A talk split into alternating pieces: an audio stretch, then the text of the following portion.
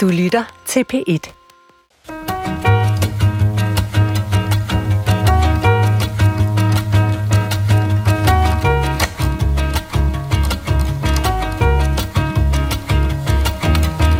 Hvis jeg nu fortæller jer, at antallet af skilsmisser er rekordhøjt, hvad siger I så? Det er ikke noget, der rører os. Vi skal ikke skilles forløbet. Eller vi skal slet ikke skilles. Nu må I altså tale ordentligt sammen. Det er jer, der er de voksne. Sådan sagde min 9-årige niece Julie til hendes forældre, da de blev skilt. Og nogle gange er det åbenbart fra børnene, at man skal have en belæring om sprog. Skilsmissens sprog er det, vi bliver kloge på i dag. For du har nemlig stillet ind på det program på P1, hvor vi nærstuderer, hvad vi egentlig går og siger om og til hinanden. Og for at tale om skilsmissens sprog har vi inviteret de to parter i studiet. Og her taler jeg ikke om mor og far, men om repræsentanter for skilsmisseforældre og for deres skilsmisseramte børn. Og min første gæst er forfatter og journalist ved Dagbladet Politikken, Emilie Stein Thorsen. Velkommen til dig, Emilie. Tak skal du have. Emilie, jeg kalder dig for repræsentant for skilsmissebørnene, fordi du har skrevet bogen Generation 77, 7-7, øh, beretninger fra 25 unge voksne med skilte forældre. Emilie, hvorfor skrev du om skilsmisse ud fra børnenes perspektiv? Det gjorde jeg, fordi jeg selv er skilsmissebarn. Jeg har været skilsmissebarn, siden jeg var halvandet. Øhm, du har nærmest aldrig været andet for? Jeg har aldrig været andet. Jeg kan i hvert fald ikke huske, at jeg har været andet. Ja. Øh, og jeg har sådan, i min, især i mine sene teenageår, måske manglet noget at spejle mig i. Øh, nogle andre skilsmissebarndomme. Jeg følte mig lidt alene med at være, om at være skilsmissebarn. Øh, og For det er ikke noget, som skilsmissebørn går og taler med hinanden om? Ikke særlig meget. Altså, jeg synes, der er en øh, uoverensstemmelse mellem, hvor mange der er af os, og hvor øh, lidt vi taler om det. Måske fordi det også er svært at tale om. Øhm, og så øh, begyndte jeg lige så stille at tale med en masse skilsmissebørn, og opdagede jo, at øh, min barndom slet ikke havde været lige så øh, mærkelig, som jeg gik og troede, øh, fordi at der var mange, der havde de samme oplevelser. Okay, og hvorfor, med, hvorfor børn ikke taler med hinanden om det, og hvilke vanskeligheder der ligger i det, det synes jeg, at vi lige skal parkere på et hjørne og, og sørge for at nå derhen, og det kommer vi nok til i løbet af de næste øh, 55 minutter. Min anden gæst har sammen med sin eksmand skrevet Slug kamelen, øh, der kommer flere. Altså en bog skrevet af to mennesker, som har valgt at gå fra hinanden. Velkommen til dig, forfatter og tv-producent Julie Rarlund. Tak skal du have. Julie, hvad var det, øh, du og din eksmand havde oplevet i jeres skilsmisse, som I gerne ville give videre til andre? Vi havde oplevet, at vi, ligesom Emilie siger nu, manglede nogen at spejle os i. Vi manglede nogen, hvor at vi kunne, fordi vi måske manglede et sprog for det i virkeligheden, vi manglede at tale sætte en masse ting, der gjorde, at vi kunne påbegynde en snak om, at når nu der er så mange af os, så kan det jo ikke være bål og brand det hele der er også nogle af os, der kommer ud på den anden side. Kan vi ikke begynde at tale om, hvordan man kommer ud på den anden side? Hvordan gør man det ordentligt? Og så er mit eget incitament jo også, at jeg er meget brændt skilsmissebarn også, og jo har haft øh, en masse tanker omkring det øh, at blive skilt selv, når nu jeg selv var skilsmissebarn. Ja. Nogle ting og nogle tanker, som øh, jeg virkelig gerne vil dele med verden, og begynde at, at, at, at få noget øh, feedback på, fordi at... Øh, der sker jo noget helt vidunderligt, øh, når, når, når der begynder at komme børn ud af de her skilsmisser. Vi er ikke særlig gode til at blive skilt i virkeligheden, eller vi har ikke særlig meget sprog for det. Øh, det er meget ungt stadigvæk i vores verden. Så, øhm, så det var virkelig sådan en, vi skal i gang med den her øh, samtale om okay. det, der sker for mange ja. af os. Og vi tager den jo videre nu, og vi kommer til at høre meget mere om det. Jeg vil gerne præsentere min sidste gæst, og hun er her for at sørge for, at vi holder læseluppen hen over sprogets allermindste detaljer, og hun er assisterende redaktør ved det Danske Sprog- og Litteraturselskab. Også velkommen til dig, Andrea Alberte Stengård. Tak skal du have. Andrea, lad os lige få det at lave det, som man kalder en disclaimer i den her sammenhæng. Altså, øh, hvad er dine personlige erfaringer med skilsmisse? Dem har jeg slet ikke nogen af. Altså, jeg er hverken selv øh, skilt, og jeg er heller ikke selv skilsmissebarn. Så den her samtale er også lidt speciel for mig, fordi jeg står jo udenfor og kigger Så ind. vi får et objektivt blik udefra, kan man sige, på det. Måske, ja, det kan man måske fald. godt sige. Okay, og nu var jeg i gang med de der disclaimer. Jeg må jo som vært på det her program også lige have sagt om mig selv, at jeg må nærmest kaldes øh, professionel skilsmissebarn, i det jeg her på mine ældre dage nærmest har fået en karriere ud af at være et skadet øh, skilsmissebarn. Sidste sommer så udgav jeg en podcast, Mors afskedsbrev her på DR, som blandt andet handlede om min mors rolle som øh, skilsmisseramt øh, mor til fem, og, og nu har jeg skrevet en bog om det og holder sig gar foredrag om det. Så med det siger jeg velkommen til Klog på Jule Rarlund, lad os begynde med øh, den voksne synsvinkel. Altså selvom man, man kan sige, at du repræsenterer begge dele, fordi du også selv er skilsmissebarn. Men, men lad os lige tage det fra de voksne først, fordi det er jo som regel et initiativ, som udgår fra de voksne. Det er, der er jo meget få børn, som går til deres forældre og foreslår, at de skal blive skilt. Ikke? Hvorfor valgte du og din eksmand at skrive jeres bog sammen?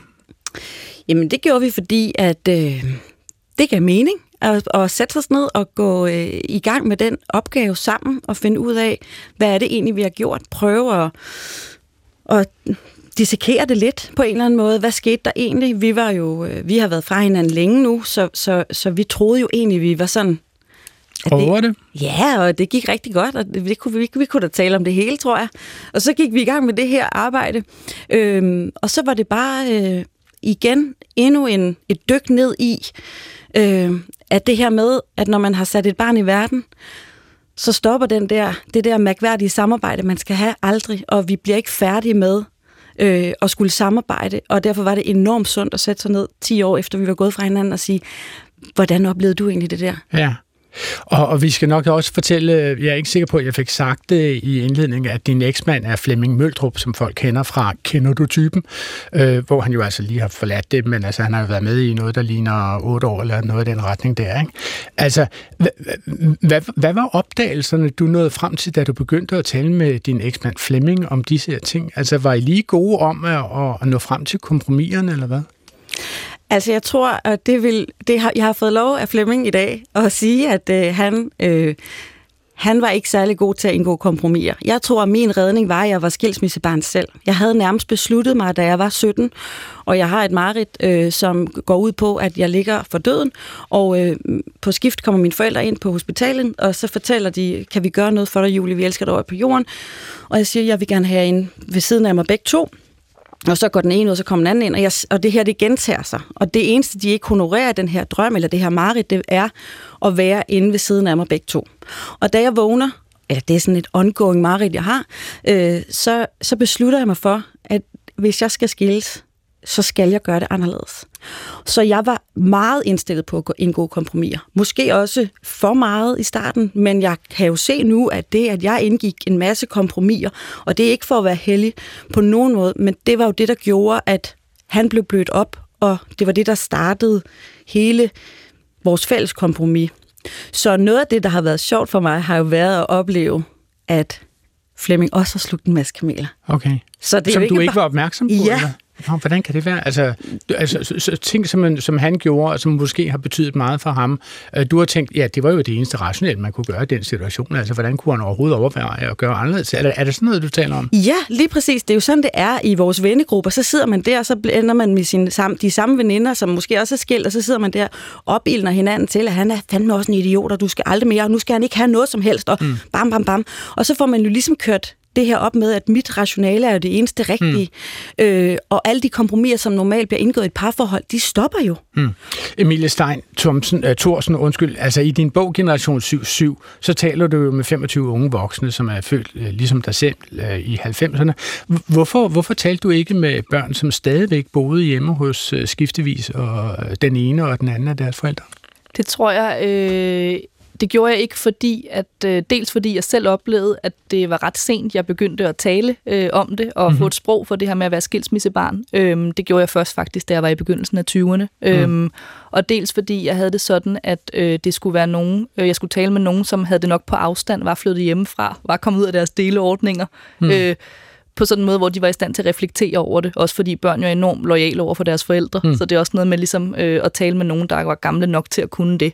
Øhm, så øh, det her med 90'erne handlede for mig også om, at, øh, at øh, jeg har sådan en idé om, at øh, i 70'erne, 80'erne, når man blev skilt, så var det måske mere sådan, at man fik en weekendfar, øh, man så hver 14. dag, eller også fik forældrene et barn hver, hvor jeg havde også lyst til at lave sådan en mere generationel øh, øh repræsentation, kan man sige, og, og sige, når man, øh, vi må være en af de første sådan... Øh, øh, generationer, der ligesom øh, vokser op i de her syv-syv øh, deleordninger. Altså ligesom man taler om indfødte digitale generationer, kan man da også tale Præcis. om indfødte skilsmissegenerationer, til hvilken at du øh, regner dig selv som den første fødte.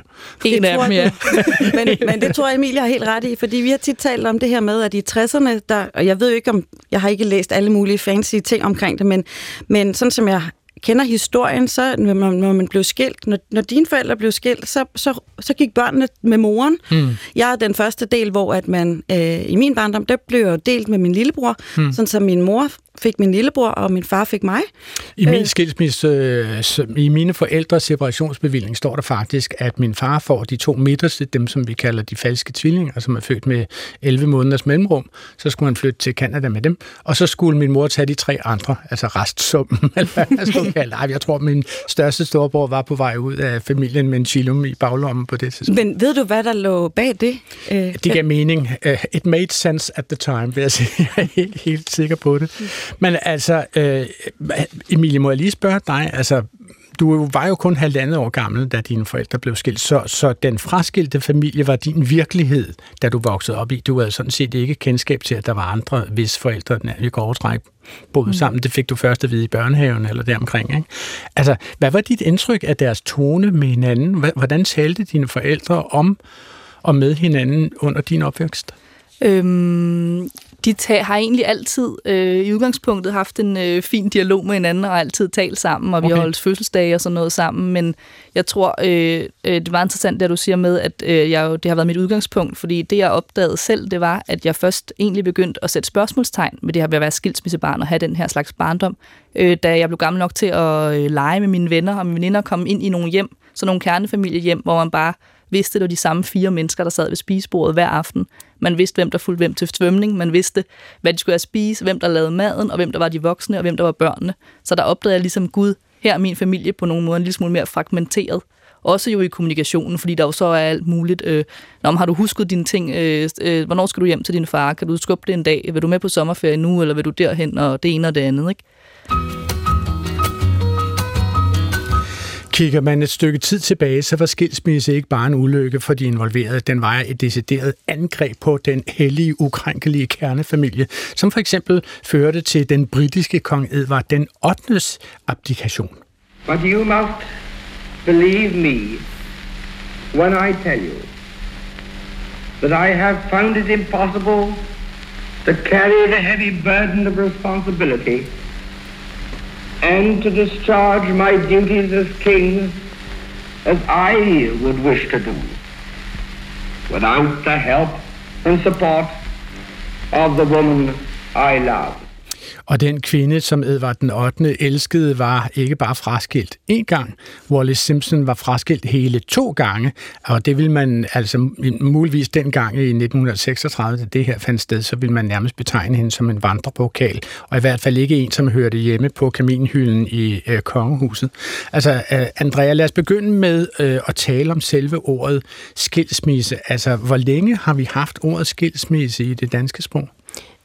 Jeg kan finde det på skrift i nogle af vores sam, øh, samlinger fra øh, det, vi kalder Gammeldansk Ordbog, hvor det er kendt fra 1450, omkring 1500. Der har vi det i hvert fald på skrift. Okay. Så, så det er et gammelt ord, og det er noget, vi har kendt til længe.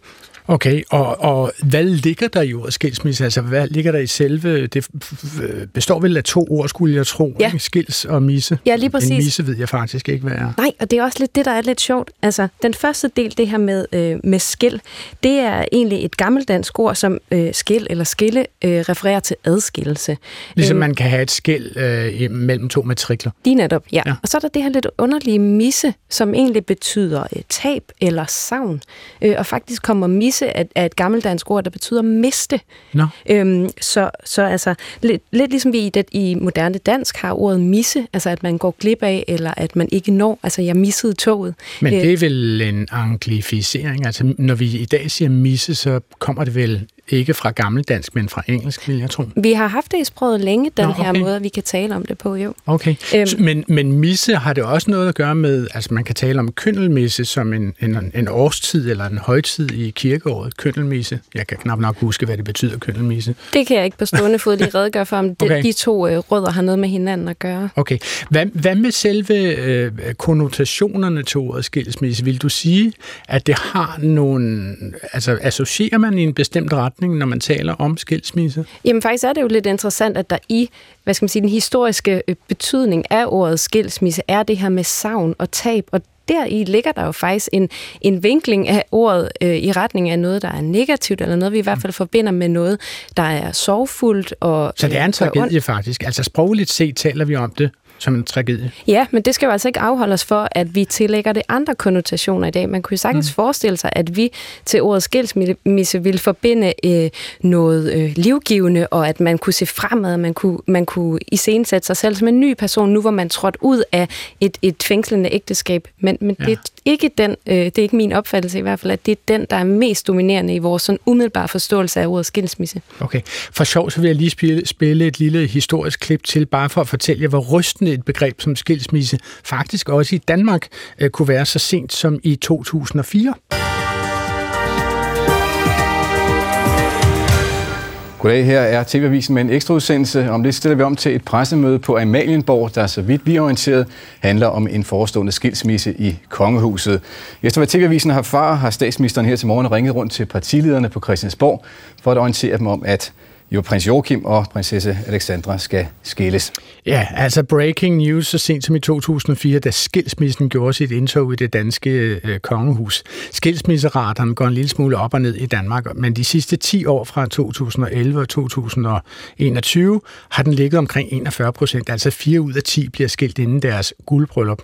Og det betyder, at i gennemsnit ca. 16.000 mennesker i Danmark bliver skilt om året, og det er de blevet de sidste 10 år. Altså formentlig ikke en gang om året de sidste 10 år. Det er ikke de samme 16.000, som går ind og ud af et statsamtet. Tænk, hvis det var. Tænk, hvis det var. Det kunne også være hyggeligt. Men Emilie og Julie, altså, hvad, hvad siger I til det her? Er der i dag forbundet en skam med begrebet skilsmisse? Lad mig starte med dig, Julie. Ja, det synes jeg, der er. Hvorfor? Altså, øhm, jamen fordi, at, øh, at, at det ikke er noget rart, og det er noget, man udsætter dem, man elsker øh, for øh, sine børn. Det er også en... Mm, på mange måder er vi jo selvom at det er svært at se, så tror jeg, at vi er jo vokset op i en eller anden disnificeret verden, hvor at der stadigvæk er det her kernefamiliebegreb. Du taler også om det, det er først, at du kommer ind i dem, at du opdager, at hov, jeg er anderledes. Øh, så der er, jeg oplever både en skilsmisse skam, jeg oplever også skammen fra børnenes side, jeg oplever min egen voksne skam, sågar, selvom at jeg jo er Og, en af hvad, dem, hvad der er det for en taler om det. voksen skam, du taler om der, Julie? Jamen, jeg synes, at det har, jeg synes at stadigvæk, det er en skam ikke at have kunnet holde sammen på, øh, på, på, på ham, jeg har skabt det, jeg elsker allerhøjst med. Nu sagde jeg jo i begyndelsen af udsendelsen, at jeg er skilsmissebarn. Jeg er også selv øh, personligt skilsmisseramt, fordi jeg er blevet skilt øh, på et tidspunkt fra min første mand, øh, og vi havde kun nået at være øh, gift i fire år, og så gik vi fra hinanden. Og de fire år, det må jeg simpelthen sige, det synes jeg var for lidt. Øh, Jeg skammede mig faktisk så meget over det, at jeg havde lyst til at levere alle bryllupsgaverne tilbage. Mm. jeg, synes, jamen, jeg synes, at vi havde stået der foran alderet, eller hvor vi nu stod, og løjet, altså da vi sagde øh, til døden, jeg skiller, så synes jeg, jamen altså, nå, mere, mere alvorligt mente vi det åbenbart ikke. Og det synes jeg var skamfuldt. Altså, at vi havde sådan slået et stort bryllup op, øh, som åbenbart ikke holdt, når det kom til stykket. Altså, havde, havde dine forældre nogen skam, eller, eller var der skam forbundet med skilsmisse i din verden, Emilie? Det tror jeg, der var øh, på den måde. For eksempel kan jeg huske, at min mor altid har sagt, øh, når, altså, eller ligesom levede efter i vores barndom, at vi skulle have alt det. Øh, altså, vi skulle i hvert fald ikke mangle noget, bare fordi mm. vi var skilsmissebørn. Altså, og har nærmest overkompenseret med kæledyr og sommerferier og kolonihaver, og jeg ved ikke hvad, for ligesom at være sikker på, at, at der ikke manglede noget, bare fordi vi ligesom var en voksen mindre. Øh, jeg tror fra barnets perspektiv, så... Øh, Er det også dit eget perspektiv, når du taler om, når ja, du siger fra det barnet? er det. Ja, okay. Det er fra, øh, fra mit eget perspektiv, og fra, øh, for, altså, fra dem, jeg har talt med i bogen. Ikke? Ja. Øh, så øh, handler det mere om, øh, om det her med, øh, at, at man rigtig, rigtig gerne, det kan jeg huske, jeg selv også vil, rigtig gerne vil, vil passe ind, altså og vil være, man vil bare gerne være så meget ligesom alle de andre, øh, Ja. når man er barn. Ja. Og det der med, at, og så lige pludselig at skulle sige, når man, Øh, vi kan godt spise hos mig i aften, men min papfar kommer, og hans datter er der også, og øh, jeg ved ikke, jeg skal holde tre juleaftener, så har jeg ikke tid til det der juleferien, og så noget der. Altså, øh, altså en skam over ligesom at, at føle, at man stikker lidt ud, nok også fordi det der ideal om kernefamilien stadig er øh, Julie? meget tungt. Ja, jeg vil bare lige sige, at vi, mine veninder og jeg, vi har indført sådan et begreb, der faktisk hedder skilsmisseskam, mm-hmm. som vi taler om, som er det her med, at når vi, at vi skammer så meget over, at vi er blevet skilt, ergo så skal vores børn ikke mangle noget. Det er bare meget sjovt, fordi det er den, vi ligesom, vi prøver at sige til hinanden nogle gange, nu må du ikke nu må du ikke lade dig føre med den der skilsmisseskam, fordi det nytter jo ikke noget, at vi, vi kommer ud med nogle børn, som hver gang de kommer hjem til mor og far, så får de i hoved og rumpet, fordi at de må endelig ikke mangle noget. Så det er jo sådan en, en hård altså, så, balance. Så, så, så, to forældre kan sådan det sted konkurrere om, hvem som leverer de største julegaver? Nej, jeg tror, du, nej, jeg tror ikke, det bliver en konkurrence. Jeg tror, det er en dårlig samvittighed. Mm. To forældre kan have så dårlig samvittighed, så de, ikke, så de glemmer at sætte almindelige krav og grænser. Andrea? Jeg kan heller ikke være med at tænke på, om der også ligger en skam forbundet med, med, med selve ordet, det der med at være skilt. Mm. Øhm, altså fordi det jo antyder, som Emil, du har sådan en fin passage i din bog, hvor du skriver noget med, at, at der ligger en fordom i ordet skilt, der antyder, at noget kunne, kunne være helt. Mm. Selvom man sagtens kan have haft en strålende, men lidt fragmenteret baggrund. Og det mm. tror jeg bare er helt rigtigt set, det der med, at, at, at øhm, Ja, at, at når, man er, når noget er helt, det forbinder vi simpelthen med sådan, det det der eventyrunivers, og at man er sammenhængende, og man er en helhed. Men, men ligger det i vores kultur, tror du, Andrea, at, at vi er sådan mest fuldendt, øh, hvis vi finder en partner at være det med? Ja, altså jeg kan, jeg kan ikke lade være med at tænke på, på Platons myte om, om kuglemennesket, altså at mennesket oprindeligt blev født og bestod af, af to, to individer, og at det var kugleformet, det havde øh, fire arme og fire ben, og så blev Zeus vred på et tidspunkt, fordi vi forbrød sig mod det, han gerne ville, og så kløvede han os i, os i to, og så var vi dømt til at bruge resten af vores liv på at lede efter vores øh, anden halvdel, vores eneste ene. Men der i ligger der sådan set også mytologisk set, at der findes øh, en anden halvkugle et eller andet sted i universet, som er beregnet til lige akkurat ja. at passe øh, fod i hose i ens øh, receptler. Eller, eller ja, ja, så, så kulturelt Tentakler, har vi... vil jeg have sagt. Nemlig. Og så i den der myte har vi jo netop forestilling om delingen, om adskillelsen, om det at blive øh, hakket midt over. Jeg tror også, der ligger noget i, at vi ikke som mennesker er vi jo ikke særlig gode til at kigge vores egen fejlbarlighed i øjnene. Mm. Og det der ord skilt er jo et, noget, der bliver hæftet på en, hvor der sådan ligesom tydeligt står, her var en, der, mm. der har nogle fejl. Og der er en, der enten har hun sagt nej til ham, eller han har sagt nej til hende. Og der, det vil sige, øh, der er ikke noget, der er intakt. Altså, Men noget Julie, er bristet. Hvordan vil, hvordan vil du have det, hvis jeg betegnede dig som fraskilt? Altså, vil du tage den øh, betegnelse på dig og sige, at det er jeg jo, altså, objektivt set, det er jeg jo også? altså, nu er det jo sådan, at øh, Flemming og jeg faktisk aldrig blev, blev gift, så på den måde kan vi, men vi Nå, har ligesom... Den, den, den, den, den, den, så kan jeg lige hænge den på den knæ. ja.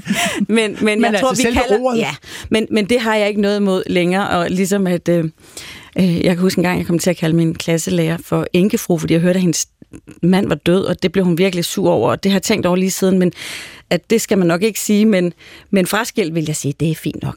Altså, ja. det er jo sandt. På den måde er jeg ikke skamfuld længere. Men er der en forskel på at blive skilt og så at slå op?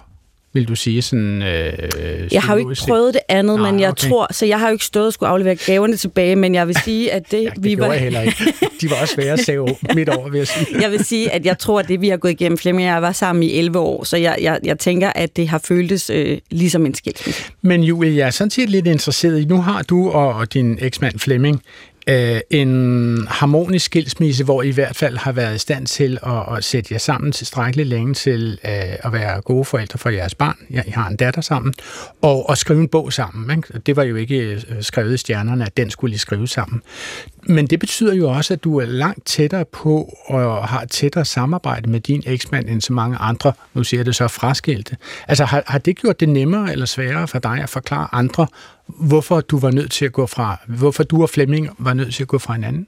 Altså ja, der, der er jo også bare det med Flemming Møldrup at han er Flemming Møldrup, Danmarks rareste mand. Så noget af det, jeg har oplevet allermest... How could you? ja, det er damer, der kommer hen, hen til mig. Dig ja, men altså, det er lige sådan, det er. Nej, det jeg siger de til dig, jeg har stødt på så mange damer, som siger, hvor kunne du dog?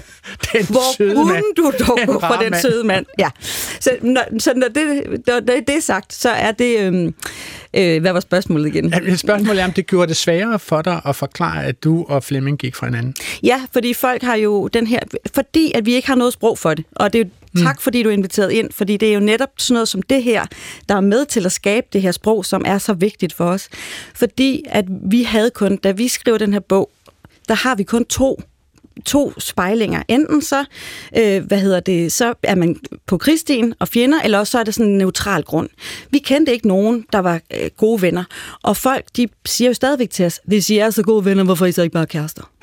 okay. Og nu spørgsmål fra lytterne.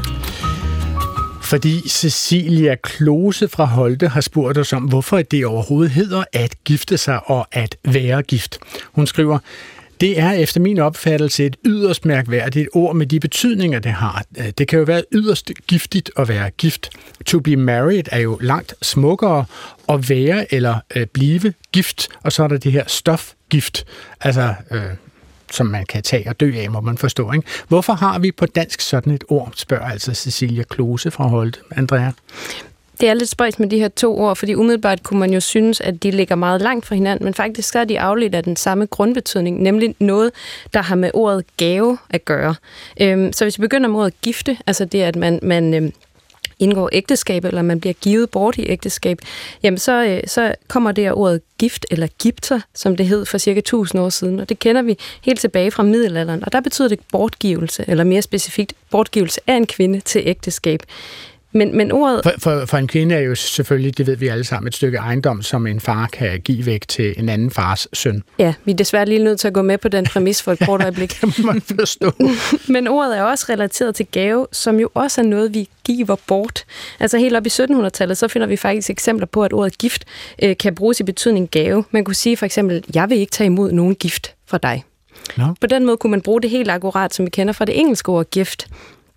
Så når, når faren gav sin datter bort, så skete det jo også typisk med en medgift, altså et eller andet ekstra, som partneren, den kommende partner fik i tillæg mm, til datteren. En medgave. Ja, lige præcis. Så datteren var ikke nok, der skulle også nogle køer til, og ja, lige netop. en smuk gammel kommode. Men så som Cecilia rigtig skriver, så kan gift jo også betyde noget helt andet. Altså, øh, det er et stof, der virker skadeligt eller dræbende på, på levende organismer. Men, men i lidt andre dans, der kunne gift også betyde øh, noget, der gives på én gang eller adgangen. Altså faktisk lidt det samme, som vi i dag kender i ordet dosis no. eller en portion. Så man kunne for eksempel sige, i 1700-tallet, giv nu, øh, kan du give kræet øh, en, en, lidt gift? Altså okay. en, en lille portion gift. Altså, så altså man kan en sige, en gift. medicin eller sådan noget? Den Nej, mere sådan, kan du, kan du give, kan du give øhm, øhm, en giftkorn til det her øh, kræ? No. Okay. Så det, vil, det angiver en, en, øh, en portion. Øhm, og vi har jo også et lidt ældre ord, der, betyder, der hedder indgift. Øhm, og det betyder en portion medicin. Øhm, så gift har altså i dag via den betydning udviklet sig til det, vi i dag kan bruge øh, om betegnelsen, altså det her med, at man har et stof, der er meget giftigt og kan være mm. dræbende på mennesker. Så det, man kan sige, det er sproghistorie, som gør, at de to ord, som har forskellige betydninger, i virkeligheden bliver brugt øh, i dag. Ja, lige netop. Altså begge ord gift og gifte trækker begge to på en betydning, der har noget med at give at gøre, eller at modtage ligesom en gave. Selvom ordene er det, der hedder homofone, altså at de lyder nøjagtigt ens, men betyder to forskellige ja, ting. Lige det synes jeg også, Tove Ditlevsen, hun ja, gør så fint i sin bog, Gift. Det synes jeg, der, ja, det, det betyder det, det hele. Der, der giver det mening ja, for mig i hvert fald. betydninger. ja. Et andet spørgsmål handler mere om sproget mellem to, som lever intimt sammen, og det er Louise Kolmos fra København, som fortæller, forleden på vej til Bob Dylan-koncerten på Amager, fortalte jeg min kæreste, at han var sød og dejlig. Altså, at kæresten var det, ikke at Bob Dylan var det. Det er Bob Dylan muligvis, men det kan jeg jo Gud fortælle mig om. Til hvilket min kæreste svarede, det er reciprokt. Og udover at jeg synes, at det er et yderst irriterende hovski svar på en meget direkte og ret sød kommentar, så har vi sidenhen fundet ud af, at ordet reciprok måske ovenikøbet slet ikke betyder det, vi går og tror, at det betyder, altså gensidighed. Ifølge ordnet.dk kan det nemlig betyde både modsatrettet, omvendt og sjældent. Og derfor kunne jeg godt tænke mig at vide, om min kæreste også synes, at jeg er sød og dejlig, eller om han mener, at jeg ikke er sød og dejlig, eller om han mener, at han selv sjældent er sød og dejlig. kan I hjælpe mig?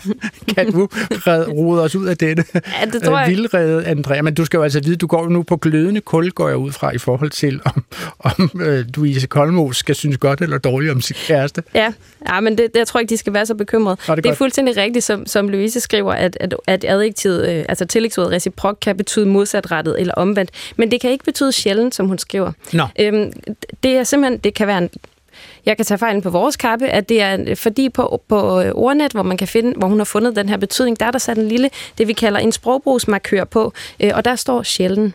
Og det betyder ikke, at ordet betyder sjælden, men det markerer, at den pågældende betydning af ordet den er sjældent i brug. Så Nå, det er sådan okay. set en uh, heads up til den, der bruger ordbogen, der siger, ops, hvis du bruger det her ord over for andre, så er der altså risiko for, at de andre ikke forstår, hvad du siger. Fordi det bliver sjældent brugt på den måde. Nemlig. Okay. Og det er jo lidt sjovt, at, at, at den så ender her som et, uh, en, en, tvivls, uh, et, en tvivlsag mellem de her to. Um, men, men det er også rigtigt, som hun skriver, at reciprok kan betyde gensidig, altså at noget påvirker hinanden indbyrdes, eller står i en indbyrdes relation. Så altså, Skal det også betyde, at det er gensidigt underforstået? Det mener jeg også, eller det udsagn, du kommer med her, vil jeg gerne slutte mig som noget gensidigt.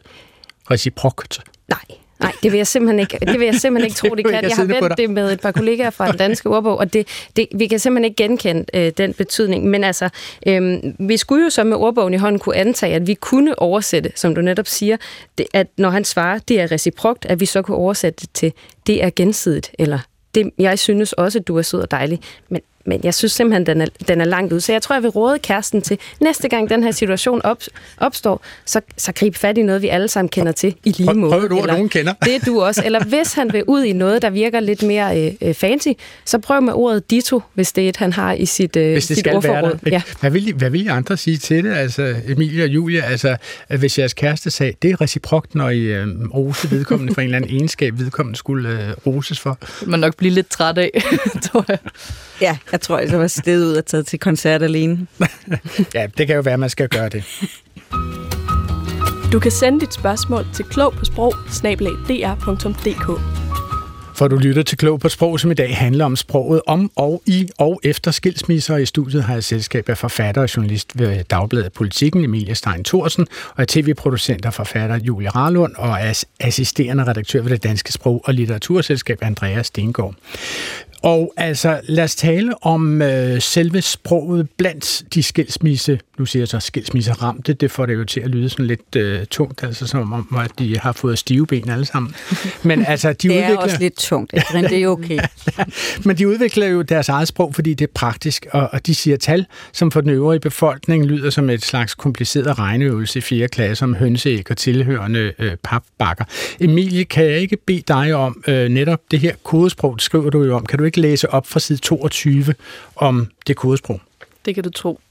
Det lyder sådan her. Jeg havde en 5-9. Havde du 10-4, eller boede du kun hjemme hos din mor?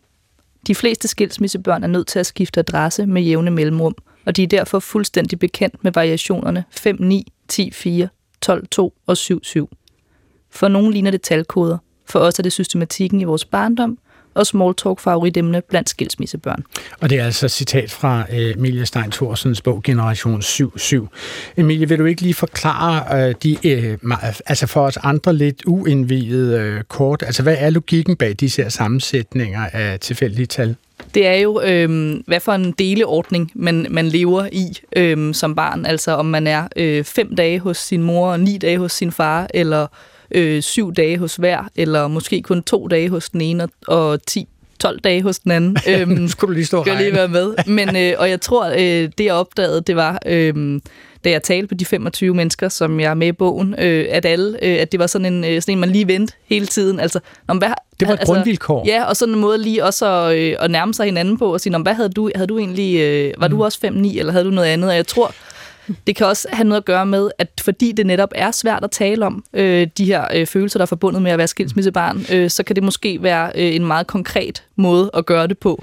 Men ligger der også en følelsesmæssig forståelse af at sige en 12-2? ordning for eksempel. Altså vil det så antyde en nærmere eller øh, mm. øh, fjernere tilknytning, følelsesmæssig tilknytning til den ene eller den anden forælder? Ja, helt sikkert. Så vil det næste spørgsmål jo være, øh, hos hvem, hvem ikke? altså, ja, ja, præcis, ja. fordi at øh, det er jo også meget følsomt øh, som skilsmissebarn, det her med, øh, øh, hvor meget øh, tid og opmærksomhed og kærlighed får hver øh, af ens forældre, så, så, øh, så for mange er det også svært det der med så at sige, men ja, jeg er faktisk 10 dage hos min mor, og kun to dage hos min far, så kan det ligesom være sådan, fire, at man skal... Fire dage hos fire dage. min far, ja. det var der ikke, det var der ikke udlændende. De men, sidste to dage er jeg alene sammen med min hund. Der er helt alene. der er fred. Øh, ej, så, det, så, det, så, så, så bliver det ofte noget, man ligesom skal forklare, og det er jeg, fordi at øh, det er rart for mig at have en base hos min mor. Men, men er der så også et socialt stigma forbundet, stigma forbundet med øh, at være, hvad man vil betragte som alt for lidt hos den ene part? Altså, vil, vil man sige, at man synes, at det ideelle nok vil være en 7-7, og alt, hvad der ligger skævt i forhold til det, så er man i en eller anden grad en familietraumatiseret taber? Nej, det tror jeg ikke. Nej. Men man vil sige, altså, øh, jeg kan gå med dig lidt af vejen på den måde, at man vil sige, at øh, hvis man øh, næsten kun er hos den ene forælder, er der nok mange, der vil tænke, hvad er der så galt ja. over hos den anden forælder. Ja. Øhm, det er klart, jeg, jeg går ja. med det samme ind i det ja. rum, kan man sige. Præcis, ikke? Ja, ja. præcis. Og så kan man så omvendt sige, at rigtig mange af dem, jeg har talt med, har jo levet i 6-8 øh, mm. øh, hvad hedder det, 7-7-ordninger, og det har ja. også alle mulige komplikationer, fordi ja. øh, hvor bor man så? Man har ikke nogen base, og, eller man har for mange baser, og øh, for mange kæledyr, og for mange aftensmadstider, og alt sådan noget, ikke? Ja. Øh, Julie, benyttede I også det her talsystem, øh, dig og din eksmand Flemming, altså til, og I har jo en datter, Joko, sammen, mm. ikke? Øh, kører de med det her talsystem, eller øh, ja, sejlede det tror det, jeg ligesom kommer ind i, i sprogbruget i nullerne eller sådan et eller andet. Øh, fordi vi, vi gjorde det i hvert fald ikke, da jeg var lille. Der var ikke nogen talsystemer. Nej. Så jeg ved jo nu, at jeg var på en 12-2, men det vidste jeg ikke dengang. Øh, jeg, jeg, det, jeg, synes, jeg står og nikker og smiler her, fordi jeg synes, det er så fint, at her rammer vi ned i nogle af de ting, som, som øh, hvor forældrene... Øh, jeg tror nemlig, det er er meget mere skamfuldt for forældrene, de her talsystem, end det er for børnene. Jeg tror, for mm. børnene er det, kan det være, vi skal lige huske, her taler vi jo i brede termer og mm. maler med store penselstrøg. Ja, bør, børn har faktisk mange aldre helt Præcis, frem til de fylder 18. Ja, så ja. det kan være meget forskelligt, men at det her med, at jeg tror, mange børn vil ønske, at de frit kunne vælge lidt mere, men at der ligger en der ligger en skam i det der talsystem hos forældrene, at være den, der opgiver at have mm. øh, majoriteten, eller have det lige, eller, eller få minoriteten, er svær. Men det er da også et voldsomt øh, ansvar at lægge på et barn, og lade barnet vælge frit. Altså, det kan jo også mm. give fantastiske konflikter. Så, så, så sagde jeg det forkert. Det var ikke fordi, at børnene skulle øh, vælge frit. Det er fordi, at vi skal begynde at tale om det på en anden måde, sådan så at vi fjerner skammen fra mm. de forældre, som vælger at have deres børn mindre. Okay. Ja. Øh, øh, Andrea... For det er rigtig stort. Altså dem, der er i stand til at sige, jeg ser på mit barn, jeg kan se, at hun han har det bedre ved at have en fast base. Jeg opgiver. Ja. Dem skal vi hylde. Det er vi alt for dårlige til. Altså, så, så det er der, hvor jeg bare tænker, her kan vi voksne i hvert fald blive bedre til at sige... Og, og Julie, lad os bare sige det her i radioen. Det er jo især, hvis det er kvinden, som siger, jeg tror, øh, mit barn har det bedre hjemme hos sin far, hvis vedkommende tilbringer 10 øh, dage hos ham og kun 4 dage hos mig, eller sådan noget den stil. Altså, så vil den mor vel sagtens med det samme blive stemplet som ravnemor, tror du ikke? Jo, det kan jeg love dig for, hun vil. Mm. Okay. Andrea, hvordan virker den her omtale af, af selve grundfjellet i en skilsmisseordning med disse matematiske termer. Hvordan virker de på dig, når du hører dem? Jamen, jeg synes, der er jo helt tydeligt et eller andet form for, det vi vil kalde in-group og out-group. Altså, står du inden for, øh, for gruppen, altså er du selv skilsmissebarn, så har du en helt, helt særlig forståelse af, hvad der ligger i de her talsystemer. Sådan en som mig, jeg forstår det jo nærmest sådan hyperkonkret. Mm. Åh, syv dage hos den ene, syv dage hos den anden. Mm. Det giver mening. Men, men dem, som er inde i gruppen, de forstår konnotationerne? Det gør det, lige præcis. Ja, okay. Det er konnotationerne, og de har... Så det er et stammesprog, vi har her i slags? Ja, lidt. Altså, jeg, jeg, jeg kan ikke lade være med at tænke på, det minder lidt om, når gravide taler om, hvor langt de er. Ja, 23 plus 4, siger de så. Og så Hvad betyder ja, det så? Ved. Jamen, så er de 23 uger henne og 4 dage. Er det ikke Nå, så? det er ikke 4 uger. Jeg er 23 uger plus 4 uger, ja. fordi jeg er gået meget plus langt dage. Ja. ja. det er og det samme jo helt obskur i, at gravide Sekunder. omtaler alt i uger, Nå, som okay. ingen, ingen andre i samfundet gør. ja, fordi de ved, at deres foster udvikler jo simpelthen en finger om ugen, eller ja. sådan den. Ja, ja, lige præcis. Ja, det er faktisk en ting. Det skal du altså ikke lægge dig ud med nu. det må du tage et helt program for sig selv, det jamen, der, det tror jeg. Jamen, tak for uh, forslaget. Det er dejligt. Man kan godt høre, at du arbejder i branchen. Lad os lige tale om nogle af, af de andre ord, som vi jo har i den her skilsmisseverden, Andrea. Altså, vi har jo sådan nogle, altså, i gang, fra gammel tid vil jeg sige, stemor og stem, stefar, ikke? Ja. Så er det vel relativt nyere, at vi har fået ord som, ja, det kunne være papfar, eller papmor, og papsøsken og sådan noget. Ja. Hvad, hvad, hvad, hvad karakteriserer de ord, som er trådt ind i den her verden inden for, hvad skal jeg sige, de næste, sidste 30-40 år?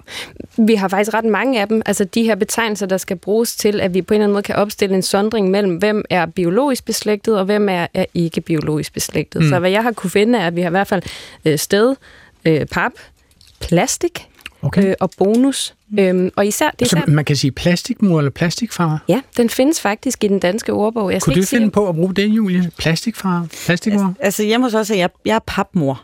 Okay. Ja. Mm mor ja. og papmor. Og det ved ikke, hvordan. Det er ligesom børnene, der har fået lov til at vælge det. det og det er, fordi du har nogen... fundet en anden sød mand, som ja. tilfældigvis havde et barn, eller måske som har flere, nogle børn i, ja. øh, i forvejen. Nu er du så papmor for dem. Ja. Og hvordan opfatter du det ord papmor? Det opfatter jeg øh, dejligt og fint og som noget ekstra. Jeg kunne hedde ekstra mor, jeg kunne hedde bonusmor, jeg kunne, hedde, jeg kunne også bare hedde mit navn. Jeg har ikke noget behov for at indgå i den der mor. Øh, jeg vil bare gerne være en ekstra voksen. Mm. Emilie, hvordan virkede det, det her sprog på dig? Altså, du og dine, nu siger jeg så skilsmisseramte, mm.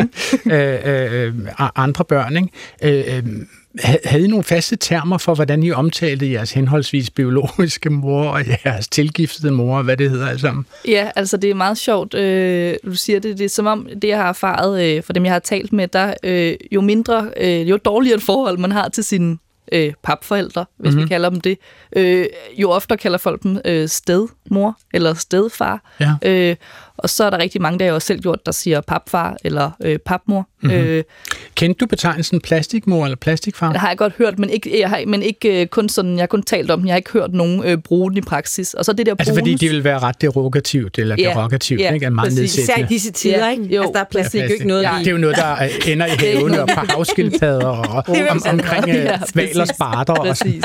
Og men jeg tror, plastik har fandme. Så heller pap, ikke? Fordi der vi opgår, vi, vi indgår i en eller anden cyklus. Ja. Pap kan genbruges, trods alt. Ja, Andrea? Men altså faktisk så, altså, fordi jeg var også lidt interesseret i at høre, hvordan jeres mm. opfattelse mm. af det var, fordi i ordbogen, der sådan, altså selv ved definitionen af papfar, stedfar, øh, bonusfar, er, er sådan set øh, det samme. Men, men det, der er anderledes ved lige præcis papfar og, øh, øh, og plastikfar, det er, at de begge to har fået en markering på, at det kan opfattes som øh, stødende mm. eller nedsættende.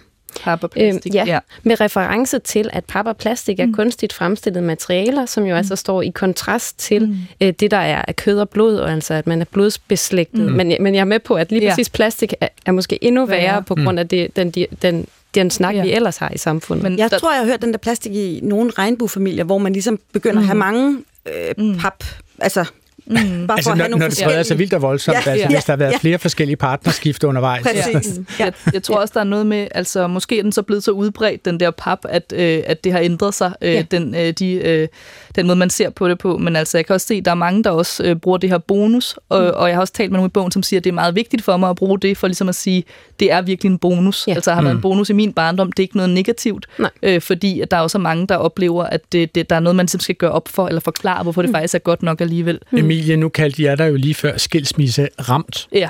Og øh, finder du dig til rette og til pas med det udtryk? Øh, ramt. Øh, nej, det gør jeg, altså det gør jeg ikke. Jeg kalder mig selv skilsmissebarn, ikke? Øh, ja. hvilket på nogen måde også føles lidt mærkeligt, fordi jeg er ved, ved at være voksen, ikke? Men, ja. øhm, mm. men, øhm, men altså, man er jo ikke skilsmisse-ramt. Jeg er jo heller ikke blevet ramt af det på den måde, for jeg har ikke prøvet andet, vel? Øhm. Julie, hvad, hvad, hvilke ord bruger du og din eksmand om jeres brud med hinanden? Hvad, hvad, hvordan omtaler I det, når I omtaler det? Eller i jeres bog, for den sags skyld? Ja, men vi gik fra hinanden, og så tror jeg, at det, det, vi har jo ikke haft et, fordi vi ikke var gift, at det er blevet nemmere at skrive skilsmisse, fordi at vi ikke, hvordan betegner man det der brud, som føles som skilsmisse, men som reelt set ikke var. Jeg vil bare lige sige, Emilie, jeg tror, nu er jeg 43, ikke? og i forhold til mine forældre, der har jeg altså stadig skilsmissebarn. Vil jeg bare lige sige. Jeg ved ikke, ja. hvordan du har det, Adrian, men der er et eller andet, at på en eller anden måde lige der... Det går ikke over. Ja, Julie, du må ikke spørge, hvordan jeg har det, så begynder jeg bare at græde her i radioen. mund. altså, lad, altså, lad os lige tale om selve den her kommunikation mellem mm. skilsmisseparterne. Ikke? Fordi når, når to, som har elsket hinanden, går fra hinanden, så ønsker de jo typisk at vælge hinanden fra i resten af deres uh, fortsatte liv. Og det kan jo meget sjældent lade sig gøre, når de har børn sammen. Altså, hvordan opnåede du en god relation omkring uh, din uh, eksmand og jeres fortsatte væren forældre for jeres fælles barn, uh, Joko Julie? Det gjorde jeg ved at tage en beslutning om at ville det. Altså mm-hmm. en, en, en beslutning, som der, hvor vi var i den rigtig grimme fase, øh, gennemtrumfede alt. Jeg er godt klar over, at der er faser i starten, hvor man er så såret, og man er så ked af det, at man gør dumme ting. Og derfor prøver jeg altså altid at indsk- altså inddele det lidt i første fase, og så resten af livet. Mm-hmm. Men, men så man kan jo ikke undgå at gøre dumme ting. Så, øh, så der er en rå og, og, og, usli, og en rå og slimet og ufødt øh, første reaktion, som er svær sådan at, at gøre helt civiliseret? Ja, det tror jeg, der er. Okay. Øh, men, men det at tage en beslutning, og beslutte sig for, at jeg vil have en relation til ham, det var mit første. Og så det her med at begynde at blive ved med at skabe altså en, have en relation og insistere på at tale sammen. Vi har insisteret på det. Vi har insisteret på at skrive bogen. Det er også derfor, nu spurgte du, hvorfor vi skrev bogen. Men fordi vi insisterer på at blive ved med, og nogen siger grave i det, men bare blive ved med at få et nyt sprog og udvikle os. Hmm, okay. Fordi der bliver Jamen, man jo også gode venner. Vi er jo blevet gode venner. Jeg vil gerne bede dig om at læse et lille uddrag af din bog op, Julie Rarlund. Ikke? Og det er jo den, som hedder Slug Kamelen, der kommer flere, som du har skrevet sammen med Flemming Møldrup. Lad os lige prøve at høre et uddrag fra den. I de første par år ringede jeg ret ofte til Flemming, efter jeg havde afleveret vores datter i skolen. Jeg gjorde det i perioder, hvor det hele drillede lidt, hvor hun og jeg havde det svært, og jeg havde brug for et par søde og opmuntrende ord. Problemet var, at jeg ikke var bevidst om, om det, eller modig nok til at indrømme, at det var det, det handlede om. Jeg gjorde noget helt andet. Jeg ville begynde med et eller andet praktisk. Og så kommer jeg med en eller anden forklaring om, hvordan sådan en samtale kunne, øh, kunne øh, foregå, og så ender den sådan her. Samtale endte, samtalen endte i ingenting andet end utrolig dårlig stemning. Men så var der en morgen. Det regnede, jeg var i underskud, barnet var ikke glad i skolen. Ja, der var mange ting. Jeg ringede til Flemming, men efter to praktiske spørgsmål, så ændrede samtalen sig. For Flemming sagde nemlig til mig, vil du skændes, eller vil du tale? Og det ændrede øh, vores forhold ret meget, fordi at øh, jeg ringede jo, og det var derfor, at jeg lige stumplede lidt i det, fordi jeg ringede jo for at sige noget praktisk. Jeg mm. ville gerne fange ham i, at han ikke havde været inde på Aula eller forældreintra. Jeg ville gerne fange ham i, at han, du ved, igen igen havde glemt et eller andet. Er du nu klar over, hun skal til fødselsdag? Har du nu købt? Jeg, jeg kan fange Flemming på utrolig mange praktiske ting. Okay, så der, så der var en eller anden form for, altså der var en Jeg var perfid bagvedliggende... og tavlig Ja. Okay. i virkeligheden. Altså, du spillede også et spil, kan man sige. Altså her, øh, det var simpelthen et simpelt skakbrik-spil, hvor du sådan flytter dine bønder hen over Yes. brættet, altså tern for tern. Jeg ville have en reaktion, fordi jeg havde i virkeligheden ondt af mig selv. Okay. Jeg stod der med hele ansvaret, det regnede, og det hele var noget et eller andet, ikke? Men det var så også en kommunikationssituation, hvor du ikke selv havde erkendt, hvilken situation du faktisk kommunikerede fra. Du Ja. er simpelthen ikke klart erkendt for dig, hvad, hvad dagsordenen, eller i hvert fald hvad din dagsorden var for den samtale. Er det, Præcis. sådan- er det der, vi er? Ja. Okay. Og, og da jeg ligesom bryder sammen, og han siger det her, vil du skændes eller vil du tale, så skete der noget i dynamikken mellem os, øhm, som jo gør, at vi i dag, og det har vi den dag i dag, en aftale om, at jeg fast kan ringe til Flemming, og så siger jeg til ham, lige nu har jeg brug for, at du fortæller mig, at jeg er en god mor. okay. Og så sætter han et bånd på, og, og, vi, og det er det samme, han siger hver gang. Julie, du er en rigtig dejlig mor. Jeg ville ikke have fået børn med nogen andre. Det er simpelthen så dejligt. Du gør det så godt. Bare, bare, bare. Men altså, det virker. det er fordi, han har fået det, øh, jeg har jo været Yes. hjemme hos ham, han har fået det øh, broderet øh, i stramaj, og har det fået indsyet sådan en klokkestreng, som han har hængende på en væg. den ramse. Men det, Ej, der jo det sker, det. nej, nej, men det, men det, der jo sker, det er, at jeg begynder at tage ansvar øh, for mig selv, og tage ansvar også retorisk for, hvad det er, jeg har behov for. Ja. Øh, og det her med, at vi kan lave en aftale, en sproglig aftale om, at han skal ophøje mig, fordi lige nu føler jeg mig så langt nede. Mm. Og der oplever jeg, at der er rigtig mange, hvor i og med, at man aldrig har den samtale, så kommer man jo ikke videre, fordi så står man jo bare og Men, men Julia, det lyder jo som en ufatteligt hårfin balance, øh, hvor, hvor åben man skal være over for sin ekskæreste, fordi man er jo også i færd med følelsesmæssigt og, og øh, afvikle sig selv fra vedkommende. Altså man skal jo ligesom trække sine tentakler til sig øh, på et tidspunkt, og så skal man have sådan et lidt mere glat, teflonagtigt øh, professionelt forhold til vedkommende, fordi øh, han skal jo ikke være din tætteste sociale øh, samarbejdspartner resten af livet længere, går jeg ud fra. Nej, men, men det er jo interessant, det du siger der, fordi der kommer du med en konklusion om, hvordan det skal være at være skilt. Ja. Jeg siger ikke, at jeg skulle også øh, afelske Flemming, og vi skulle vikles ud af hinanden, men vi skulle jo også genfinde et nyt øh, forældreskab. Vi skulle genfinde hinanden, vi skulle finde respekten, vi, skal, vi skulle tale hinanden op, vi skulle jo lære igen at sige, jeg skal ophøje det her menneske over for det menneske, jeg er- elsker allerhøjst. Ergo bliver jeg nødt til at finde en ny måde. Ikke bare at have teflon på. Fordi mm. det nytter jo ikke noget. Hvis vi skal rykke os i relationerne, kan vi jo ikke have teflon på. Mm. Så jeg er helt enig med, at man skal beskytte sig i en periode. Men så skal man også beslutte sig for at tage teflonen af igen. Emilie, hvordan har du og de øh, øh, 25 unge mennesker, som du har talt med til din øh, bog, Generation 77, altså hvordan har de oplevet deres forældres kommunikation med hinanden?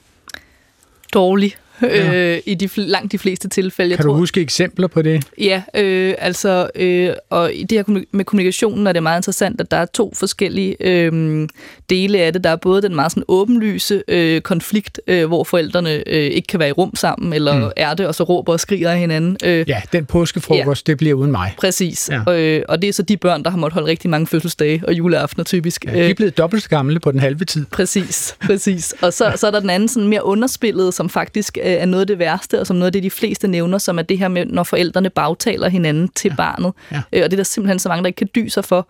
Øh, der er for eksempel en, der sagde til mig, at hun, når hun var hjemme hos sin mor, så bagtalte de øh, hendes far, og når hun var hjemme hos sin far, så bagtalte de hendes mor, fordi hun gjorde det, fordi hun gerne ville føle sig tæt på dem begge to, og hun kunne ligesom mærke, at der var åbent for noget der, som de øh, havde svært ved at modstå. Øh, og så endte hun med at føle sig helt øh, fuldstændig forvirret over, om hvem var hun selv, og hvor lå hendes loyalitet hen mellem de der forældre. Og det er meget typisk. Altså, det er der rigtig mange, der nævner, det der altså, bagtaleri. Ja, okay. At nu kan man jo sige, øh, der er jo øh, det her med den, den såkaldt harmoniske skilsmisse. Øh, journalisten og forfatteren Ditte Giese har skrevet Hjælp til selvhjælpsbogen, som den hedder, Ulige uger. Den handler om det livsomvæltende kaos, som man kalder en skilsmisse. Og hun gør det lidt, nær sagt, fra den glade skilsmisseramte, eller den glade skilsmisseenkes øh, synspunkt. Du har I høre, hvad hun øh, den 25. juli her i år fortalte DR's genstart. Det er forfærdeligt at hele tiden se også de fraskilte blive omtalt som øh, egoister og som øh, folk, der har alt for høje krav til livet, og som en form for samfundssygdom, som skal bekæmpes. Og der kan jeg bare mærke, at det har provokeret mig hver gang, at der har været sådan en stor sommerserie i Berlingske om, hvor forfærdeligt det er, at 1,7 millioner bor alene, og vi bliver skilt som aldrig før, fordi at vi går for tidligt, og vi skal kæmpe for det. Og al den her retorik, der er omkring skilsmisserne, den bliver jeg træt af, fordi jeg kender ikke nogen, der er gået for tidligt fra hinanden. Det gør jeg bare ikke. Altså, jeg, jeg synes virkelig, at folk kæmper i mange år. Og på et eller andet tidspunkt, så må det være okay at sige, lad os blive nogle rigtig fede deleforældre i stedet. Vi lever øh, i den bedste af alle tider, og vi har aldrig haft flere penge, eller været mere selvstændige eller højtuddannede. Så måske kunne vi også se, at det faktisk er et sundhedstegn, at vi ikke gider blive noget, der er dårligt. Og der er jo mere, hvor det kommer fra. Det kan man, som jeg plejer at sige det, som alle andre P1-programmer, høres eller genhøres på DR Lyd. Emilie Stein Thorsen, altså vil du som udgangspunkt mene, at en skilsmisse er et lystbetonet, selvhævdende projekt set fra den voksne synsvinkel? Nej, det vil jeg ikke, men jeg, men jeg tror, at der nogle gange sker det, at voksne øh, glemmer øh, deres børn i midten af det, mm. øh, fordi de øh, måske typisk i årene efter skilsmissen er så meget i krise og i alt muligt, at de simpelthen glemmer, hvem, øh, hvem det er, der, øh, der står i midten. Og derfor tror jeg også ofte, at børnene bliver genstand for konflikten, også fordi barnet er det, som forældre kan ramme hinanden allerhårdest med. Øh, fordi det ligesom er det sårbareste, øh, mest sårbare punkt på en eller anden måde. Ikke? Mm. Og jeg tror, det har også været lidt for mig symptomatisk for for øh, hvad, hvor meget der er skrevet om øh, at øh, være voksen og blive skilt, og øh, hvordan man skal gøre det, og hvordan man kommer igennem det, og hvor lidt der er skrevet om det fra øh, børnenes, børnenes perspektiv. Synsvinkel. Øh, Julie, må jeg, må jeg spørge dig, altså hvor langt gik du og din eksmand Flemming her, som du har skrevet bogen sammen med, altså hvor langt gik I for at være helt sikre på, at jeres datter Yoko vidste, at hun var et kærlighedsbarn mellem to øh, voksne, som på et tidspunkt havde elsket hinanden? Jeg synes, vi gik øh, lige præcis til, vi ikke kunne gå længere. Okay. Og, øh, Hvor langt er det? Jamen, vi var sammen i 11 år, og jeg synes, vi havde det relativt ringe, rimelig lang tid. øh, så jeg, jeg, jeg, jeg tænker, at, øh, at jamen, jeg, jeg kender jo godt den der følelse af, at man gerne vil bagefter sidde og kunne sige, at man har gået, altså man har gjort alt, hvad man kunne. Mm. Og, og, og, og, og Problemet er jo nogle gange, når man så er kommet ud af det, så tænker man jo, jeg kunne godt have gjort noget mere, for så har man jo fået energi igen og sådan noget. Men, men jeg kender da heller ikke nogen, som er gået for tidligt. Der er ikke nogen, der har lyst til det. Mm. Det, jeg ikke kan genkende i Gittes, øh, Ditte Gises, øh, det er, at, at at vi har fået det der stempel på. Jeg synes, der, det er skamfuldt, som vi har snakket om, men jeg synes ikke, der er det der stempel på os omkring, øh, at, at, øh, at vi sådan samfundspeger. Nå, okay. Så det, det oplever jeg ikke. Altså, jeg var jo inde på lidt tidligere, at det er jo blevet stedet mere almindeligt at blive øh, skilt, kan man sige. Altså, man ville knap nok få sin egen penge igen, hvis man spillede på det på oddset, vil jeg tro, hvis man spillede på, at de nygifte øh, ville gå fra hinanden. Ikke? Præsten Marianne Ring Andersen fra Hvidstrup Kirke i Roskilde har i 2004 foreslået, at man kunne sætte den ordnede skilsmisse i system, på samme måde som man indledte ægteskabet med en hvilelse. Så tilspørger jeg dig, Jens Larsen. Vil du give afkald på Else Larsen, som engang var svaret på din længsel, og i fire år har siddet ved samme bord og sovet i samme seng som du? Som Kristus har tilgivet jer, skal I tilgive hinanden. Amen. Og hvad siger I til det? Altså, kunne man forestille sig, at en skilsmisse a priori vil komme på lidt bedre skinner, hvis man simpelthen sluttede den med et ritual på samme måde, som den samtidig er begyndt med et ritual ved en ægte hvilelse? Hvad vil du sige til det, Julie? Nu ved jeg godt, at du ikke blev lovformeligt gift med Flemming, men altså, kunne man for, vil det her øh, sætte ind på skinner mod en mere konstruktiv skilsmisse, tror du, med et ritual? Jamen, ja, eller jeg bliver helt rørt af at høre det. Jeg, jeg, jeg, øh, jeg synes, det ja, eller det, det ved jeg ikke. Det, jeg, jeg aner ikke noget om andre folks skilsmisser, jeg aner bare, at det er kompliceret, og det er svært, og alt muligt. Og at jeg jo går ind for at tale sammen. Og jeg går ind for, for, for, for sådan nogen som Flemming og jeg, der ville det her lave det ritual, det ville have været helt rigtigt, tror jeg, fordi så, så, øh, så, så var vi på en eller anden måde, så, så gjorde man det officielt. Jeg tror, noget af problemet er jo, at vi var jo heller ikke enige om det, Flemming og jeg. Vi bliver jo først enige et par år efter. Altså, mm. og sådan, det er jo meget sjældent, de der skilsmisser, hvor man står og er helt enige om, ja, er det nu fuldstændig, og vi siger farvel. Som regel er der jo en såret part. Mm. Hvad siger du, Emilie, til et ritual, som kunne sætte forældrene på skinner mod en mere harmonisk uh, skilsmisse? Altså, hvis det virker for forældre, så synes jeg bare, at de skal gøre det, det de vil. Altså, jeg tænker, for, for, for mit synspunkt og for de andre, jeg har talt med synspunkt, tænker jeg måske, at det handler mere om at, at lave nogle ritualer for, hvordan man øh, skærmer sit barn bedst muligt fra de ting, der, øh, der er ubehagelige ved en skilsmisse. Og det handler så simpelthen om aldrig nogensinde at fortælle barnet, at man synes, at man har giftet sig med en glatnakker og en jubelidiot. Ja, fortæl det til nogle andre. ja, okay, godt. Det var, hvad vi nåede at tale om i Klog på Sprog i dag. Jeg vil gerne sige tak til alle mine gæster, og de var jo altså forfatter og journalist på Dagbladet Politikken, Emilie Stein Thorsen, som har skrevet Generation 77, Øh, og så er det øh, tv-producent og forfatter Julia Rarlund, som har skrevet Slug kamelen, der kommer flere. Og så var det også assisterende redaktør ved det Danske Sprog- og Litteraturselskab, Andreas Stengård. Programmet her var tilrettelagt af skilsmissebarnet Hector Brunhøj Husum, og det ikke skilsmisseramte barn Svala Sigfusa så også stod for teknikken, og det blev præsenteret af mig, skilsmissebarnet Adrian Hughes. Husk, at man altid kan sende kommentarer og sprogspørgsmål til os på klog på sprogsnablag.dr.dk. Og det her program kan som alle andre DR-programmer med fordel podcastes på DR-appen DR Lyd. På genhør næste fredag op til middagsradioavisen. Gå på opdagelse i alle DR's podcast og radioprogrammer. I appen DR Lyd.